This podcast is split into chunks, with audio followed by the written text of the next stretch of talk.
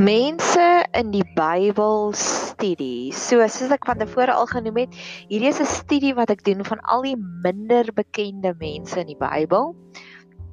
Ons is nou heidaglik Suid-Afrika in die mid nee, ons is al seker hopelik 2/3 deur die um grendelgreep, die lockdown tydens die coronavirus en um so ek het besluit juist nou omdat ek so baie tyd het, gaan ek baie meer tyd investeer in Bybelstudie. So die mense in die Bybel Bybelstudie is iets wat ek al vir ek het dit 'n paar jaar terug gedoen, maar dinge verouder maar en ek vergeet maar dingetjies.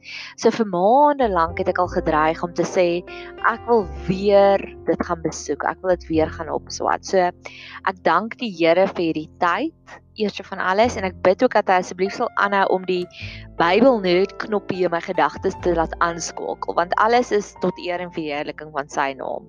Ek weet die een van my gunsteling skrifgedeeltes is die seën van die Here maak ryk. So met ander woorde, as God se seën nie op iets is nie, kan jy so hard werk soos jy wil, jy gaan niks bereik nie. En dis dieselfde met hierdie Bybelstudie ook. Is ek wil ook vir jou hierdie getuienis gee. Daar kom op tye wat ek so lewendig is en ek voel so, wow, ek kan nie wag nie, ek kan nie wag nie, ek kan nie wag nie. En ander tye wat ek voel, oh. So dis alles tot eer en verheerliking van die Here want as hy nie vir my die energie gee nie as hy nie vir my die curious mind gee nie die curious gedagtes nie is hierdie regtig waar. Dit is nie so opwindend nie. So mag die Here asseblief aanhou. Ek wil dit so graag klaar maak ek het vir myself 'n roostertjie opgestel. Volgens van ja die die normaal is volgende donderdag hou die grendelgreep op. Maar as ek by my rooster hou, is ek veronderstel om volgende week Dinsdag klaar te maak hiermee. En ek weet dis ook muscle memory, so meer ek dit oefen, hoe makliker gaan dit raak en dit begin al se hier en daar makliker te raak. So mag die Here jou ook help daarmee met jou um navorsing. Die eerste een oor wie ons gaan gesels is koning Hesekia. Hy het actually twee name. Daar's in die in Konings praat hulle van Hesekia en jy lees van hom in Konings, jy lees van hom in Kronieke en jy lees van hom in Jesaja. Maar in Kronieke praat hulle van Jehesekia. So ek weet nie regtig wat was sy naam nie, was dit net Hesekia of was dit Jehesekia? Hy was een van die konings. Nou daar was 'n stadium wat die wat die koninkryk van Israel het gesplit, dit het verdeel omdat koning Salomo was 'n bietjie van 'n stoute rebellie en hy het baie vrouens gehad en die vrouens het hom afvallig gemaak. Die vrouens het gemaak dat hy minder vir God gevolg het. En toe as 'n straf daarvoor het koning het God vir hom gesê koning Salomo, ek gaan jou koninkryk vat en ek gaan dit in twee deel. Daar so daar's 'n noordelike en 'n suidelike deel. So die noordelike deel was Israel wat volgens die oppervlakte baie groot was en dan die suidelike deel was Juda. Maar Juda was die plek waar Jerusalem was en dis ook uit die uit die Juda uit waar Jesus gebore was. So en um dit is ook dan ja, so en die die die Juda was baie kleiner oppervlakte gewys, maar hulle was 'n baie sterker nasie as Israel. Israel het nou aansienlik aan afvallig geraak en dan van daar af as jy lees deur Konings en Kronieke sal jy sien dit is 'n bietjie confusing. Jy kan se bietjie te mekaar raak want dan sal hulle sê hierdie koning was koning van Israel en hierdie koning was koning van Juda. Maar Juda was ook oor die algemeen die koninkryk wat sterker konings wat konings gehad het wat nog steeds aan God se hart toe was. Daar was goeies en daar was slegtes waar Israel het omtrent net 'n string slegtes gehad en Israel was ook vroeër in ballingskap en Israel het baie um vloeke gehad wat op hulle gekom het omdat hulle so afvallig was. So koning Hesekia was die koning van Juda en um en hy het 'n hele paar significant goed gedoen. Daar's sekere mense wat sê hy was waarskynlik een van die beste konings van Juda gewees en 'n paar kere vergelyk God hom met Dawid. En Dawid, soos jy weet, Dawid was 'n man van formaat in God se oë. So dis 'n baie groot kompliment om te sê maar hy was 'n koning wat alles gedoen het volgens wat Dawid gedoen het. Maar wat interessant was, is koning Hesekia se eie biologiese pa was 'n baie slegte mens. Hy was baie afvallig. En dit laat my dink aan daar's hierdie stukkie Jesus wat Jesus ook gesê het wat mense ook Jesus se familienaam toe gebring het. En toe sê hulle jou ma en jou broers is daar. En toe sê Jesus nee my broers is die mense wat my wet volg wat ek voorskryf So ek glo ons as Christene, wanneer ons dalk 'n slegte mamma of 'n slegte pappa het, glo ek ons kan vir onsself geestelike mammas en pappas kies ook om te sê, weet jy wat, ek hou meer van dit wat jy gedoen het en dis wat Jesaja hier gedoen het. Dis Jesaja het gaan opvolg wat het Dawid gedoen en hy het alles gedoen van wat Dawid gedoen het. En die volgende seëning wat ek graag wil oor uit wil spreek oor my en oor jou ek het nou onlangs het ek die studie gedoen van um National Geographic het so 'n reeks twee reekse gehad van 'n uh, genius. En die eerste een was Picasso, die eerste een was Einstein en die tweede een was Picasso. En Einstein se ouers, sy biologiese ouers het die heeltyd weerstand vir hom gegee, nê. En sy pa was baie teleurgestel. Einstein se pa was heavy teleurgestel omdat Einstein 'n fisikus wou geword het, nie 'n ingenieur nie. Die pa het gedink hy gooi al sy talente weg, nê? En eers op die sterfbed het Einstein en sy pa versoen met mekaar. Einstein het op 'n manier daardie daardie middelweg gevind, daardie manier gevind om daardie weerstand wat sy familie vir hom gegee het om te draai net so goed en hy het dit gevat en daardie energie geharnas om werklik waar sy drome na te volg. En dalk is jy ook in daardie posisie waar jou natuurlike biologiese ouers is so weerstandig met alles wat jy doen. Jy voel net hulle sien jou nie raak nie. Mag ek en jy dan leer om soos Einstein daardie energie te harnas en ons steeds 'n sukses van ons te maak. En dis wat Hesekia ook. Hesekia se ouers, sy pa was 'n baie slegte mens. Hy hy klomp goeders teen die Here se wil gedoen. En as jy dan kyk met Picasso, Picasso se ma het soos vir hom die mooiste seëning uitgespreek en ek wil dit graag oorlees oor jou. Hoor hoe mooi is hierdie. En dalk is jy in daai posisie waar jou ouers ondersteun alles ten volle wat jy doen en geniet dit en wees dankbaar daarvoor. Maar ek wil net vir jou sê Einstein en Picasso het is, het 'n groot sukses gemaak oor hulle lewe. Ongeag van of hulle hulle ouers se ondersteuning gehad het of nie. Daar's twee heeltemal kante van die muntstuk. Ekskuus, my rekenaar is net so 'n bietjie stadig voordat ek vir die Picasso seëning wil uitspreek oor jou en oor my. My mother said to me, If you are a soldier, you will become a general. If you are a monk, you will become the pope. En dan sê Picasso, instead I was a painter and became Picasso. Hoe oulik is dit, nê? So mag ons werklik waar ja, vrede maak. Daar's hierdie seëning wat ek ook oor uit wil spreek oor my en oor jou wat Paulus gehad het om te sê hy was okay en hy was gemaklik met al sy omstandighede en ek het nou net 'n video of 'n podcast gemaak oor dag 26 en ek het nogals gery rage against the machine van omdat ons die hele tyd die reëls so verander, maar ek wil hierdie hierdie seëning oor my en oor jou uitspreek. Filippense 4 vers 11. Nie dat ek dit uit gebrek sê nie, want ek Paulus het geleer om ver genoeg te wees met die omstandighede waarin ek is. Mag ek en jy ook daagliks leer hoe om net gemaklik te wees met die omstandighede waarin ons is. En dalk as jy 'n Picasso wat se ouers jou ten volle ondersteun, dalk is jy 'n Hesekiah of 'n Einstein um wat se ouers reg waar net jou lewe vir jou moeiliker maak. Mag ons leer om soos Paulus ver genoeg te wees om kontent te wees met enige omstandighede waarin ons is. So dis die eerste ding wat uitgestaan het oor Hesekia. Die tweede ding wat ek vir jou wil vertel van koning Hesekia. Hy het net nadat hy aan bewind gekom het, het hy net soos verskeie ander goeie konings, het hulle op hierdie intense spring cleaning reis gegaan. Hulle het al die afgode verwyder uit uit Israel uit, uit Juda uit en hulle het gesê ons gaan nou net vir God volg. Op daai stadium toe koning Hesekia oorgeneem het, was daar 'n klomp ander plekke waar hulle vir God aanbid het en koning Hesekia het gesê nee. Ek het die wette gaan lees en die wette sê ons mag net in Jerusalem vir God aanbid. So hy het 'n klomp hervorm ja, herformasie gedoen, reformation gedoen. Hy het teruggekom na God, hy het God gaan soek. En omdat hy so intens vir God gaan soek het, het God hom keer op keer radikaal geseën. En dis wat ek ook nou sien met hierdie grendelgreep is wat wat tans in my gebeur is en ek het dit al gelees van rou rou oor die algemeen grief, het hierdie proses van jy sal sit in rou oor hierdie ding wat verkeerd gegaan het, oor hierdie persoon wat oorlede is en dan sal al die ander traumas sal ook na die voorskyn toe kom. En ek glo in tye van rou en in tye van lockdown, in tye van grendelgreep, is dit letterlik 'n tydperk waar die Here kan inkom en kan kom spring clean. Ek het funny issues wat tans opduik in my lewe wat ek gedink het, ag Here, ek het al Ek was al vir terapie daarvoor, ek was al vir berading daarvoor. Hoekom duik hierdie ding nou weer op? En ek glo want dit is 'n tydperk van intense spring cleaning. So mag jy ook jouself oorhandig, mag jy ook jouself surrender in hierdie tydperk of enige tydperk waarin jy gaan om te sê Here, as hierdie 'n verhaal is soos Hesekia se spring cleaning, ek kom surrender dit aan die Here. En wat so mooi is, is na die spring cleaning het hulle het het die volk bymekaar gekom en hulle het 'n 3 dag se feesviering gedoen.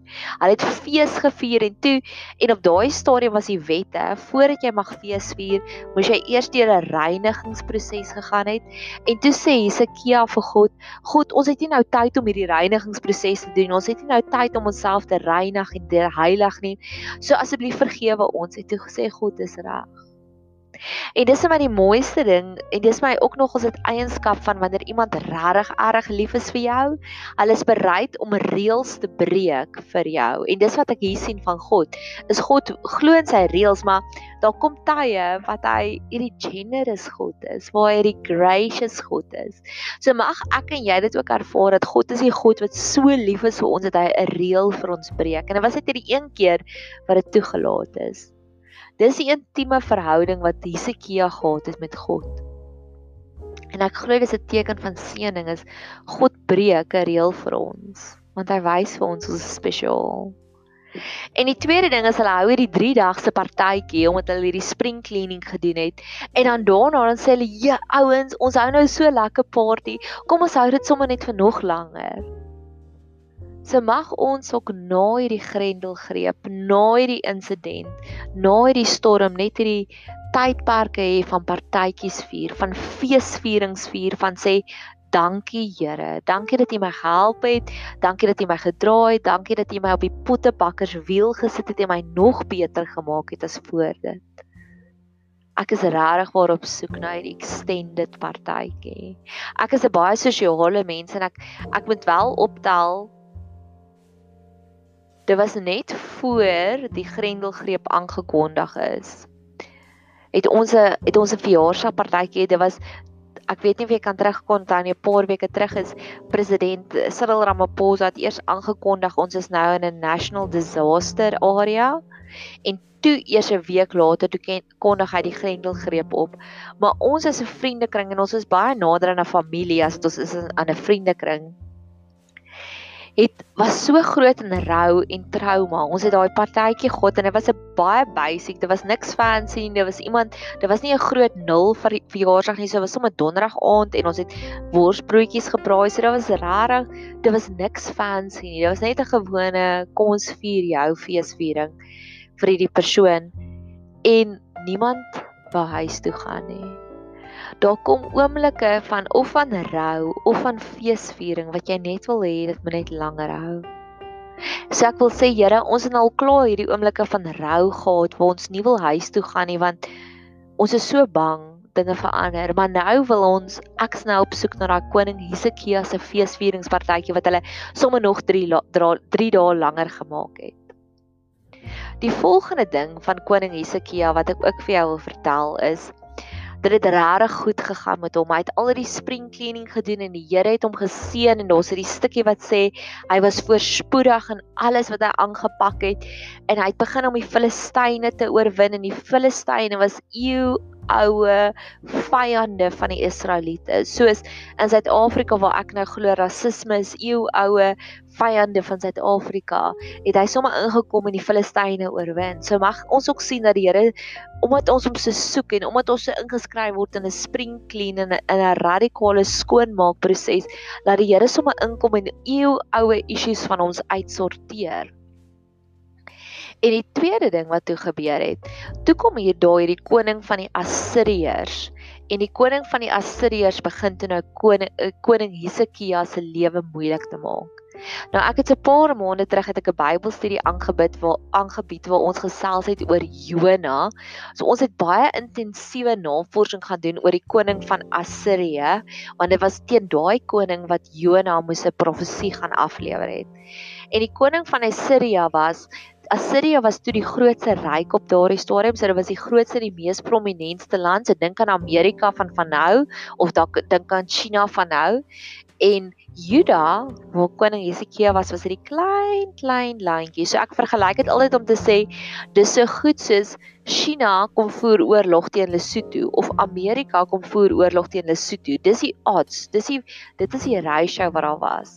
So en en hierdie koning van Assirië wat regtig waar 'n baie barbaarse persoon is. Ek het al stories gehoor van die mense van Ninive wat hulle sou as hulle iemand anders as hulle 'n ander land oorrompel het en hulle oorwin hulle wat hulle altyd gedoen het want hulle was die grootste en die sterkste dan sal hulle die koningspad en die koning se velle afsny hulle sal hulle ontvel En dan sal hulle seile maak vir hulle skepe van daardie mense se valle, van daardie koning se valle om te wys ons is die warriors, ons is die vegters. So hulle was brutal.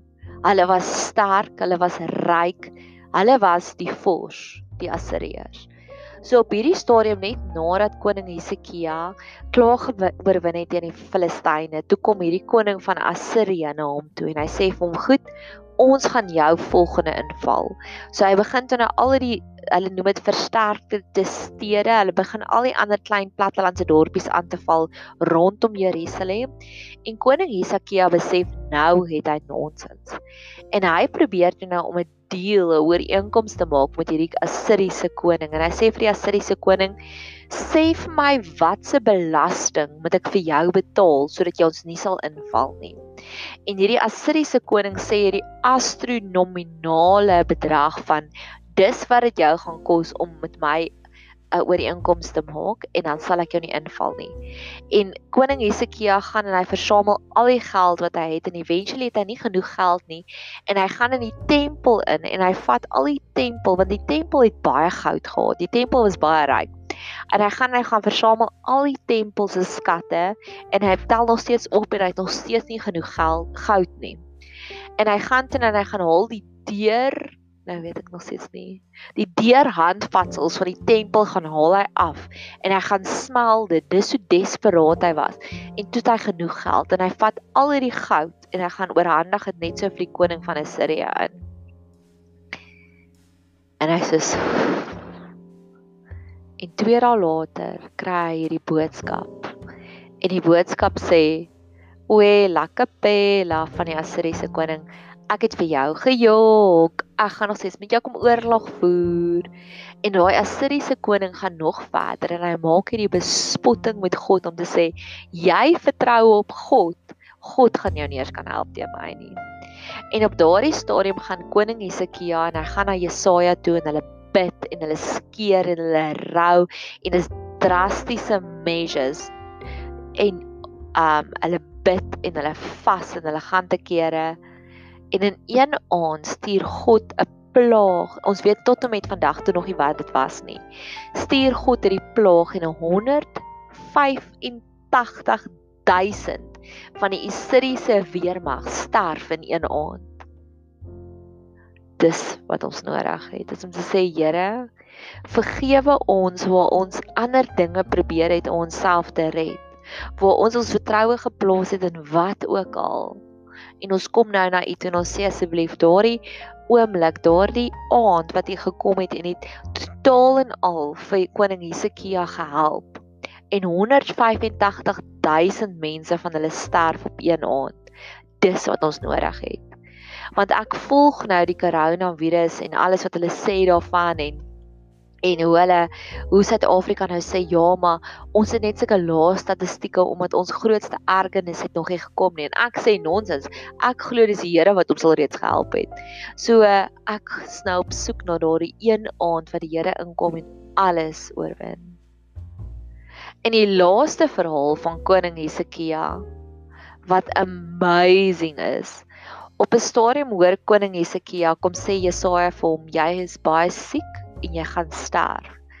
En Hesekia bid so erg vir die Here en hy sê vir die Here asseblief asseblief asseblief asseblief asseblief asseblief en die Here verander sy gedagtes en die Here gee hom nog 15 jaar. En as 'n bevestiging daarvan sê in Jesaja vertel hulle die storie wat die Here vir hom sê ek sal die son die tyd laat terugdraai vir 3 grade om vir jou te wys ek gaan jou gesond maak. En dis waarna ek ook nou op soek is, is om te sê Here asseblief asseblief asseblief asseblief asseblief kom genees vir Suid-Afrika en gee vir my so radikale teken dat hy is besig om te beweeg, te genees. So dit is die verhaal van koning Jesekia. Mag jy 'n super geseënde dag hê verder.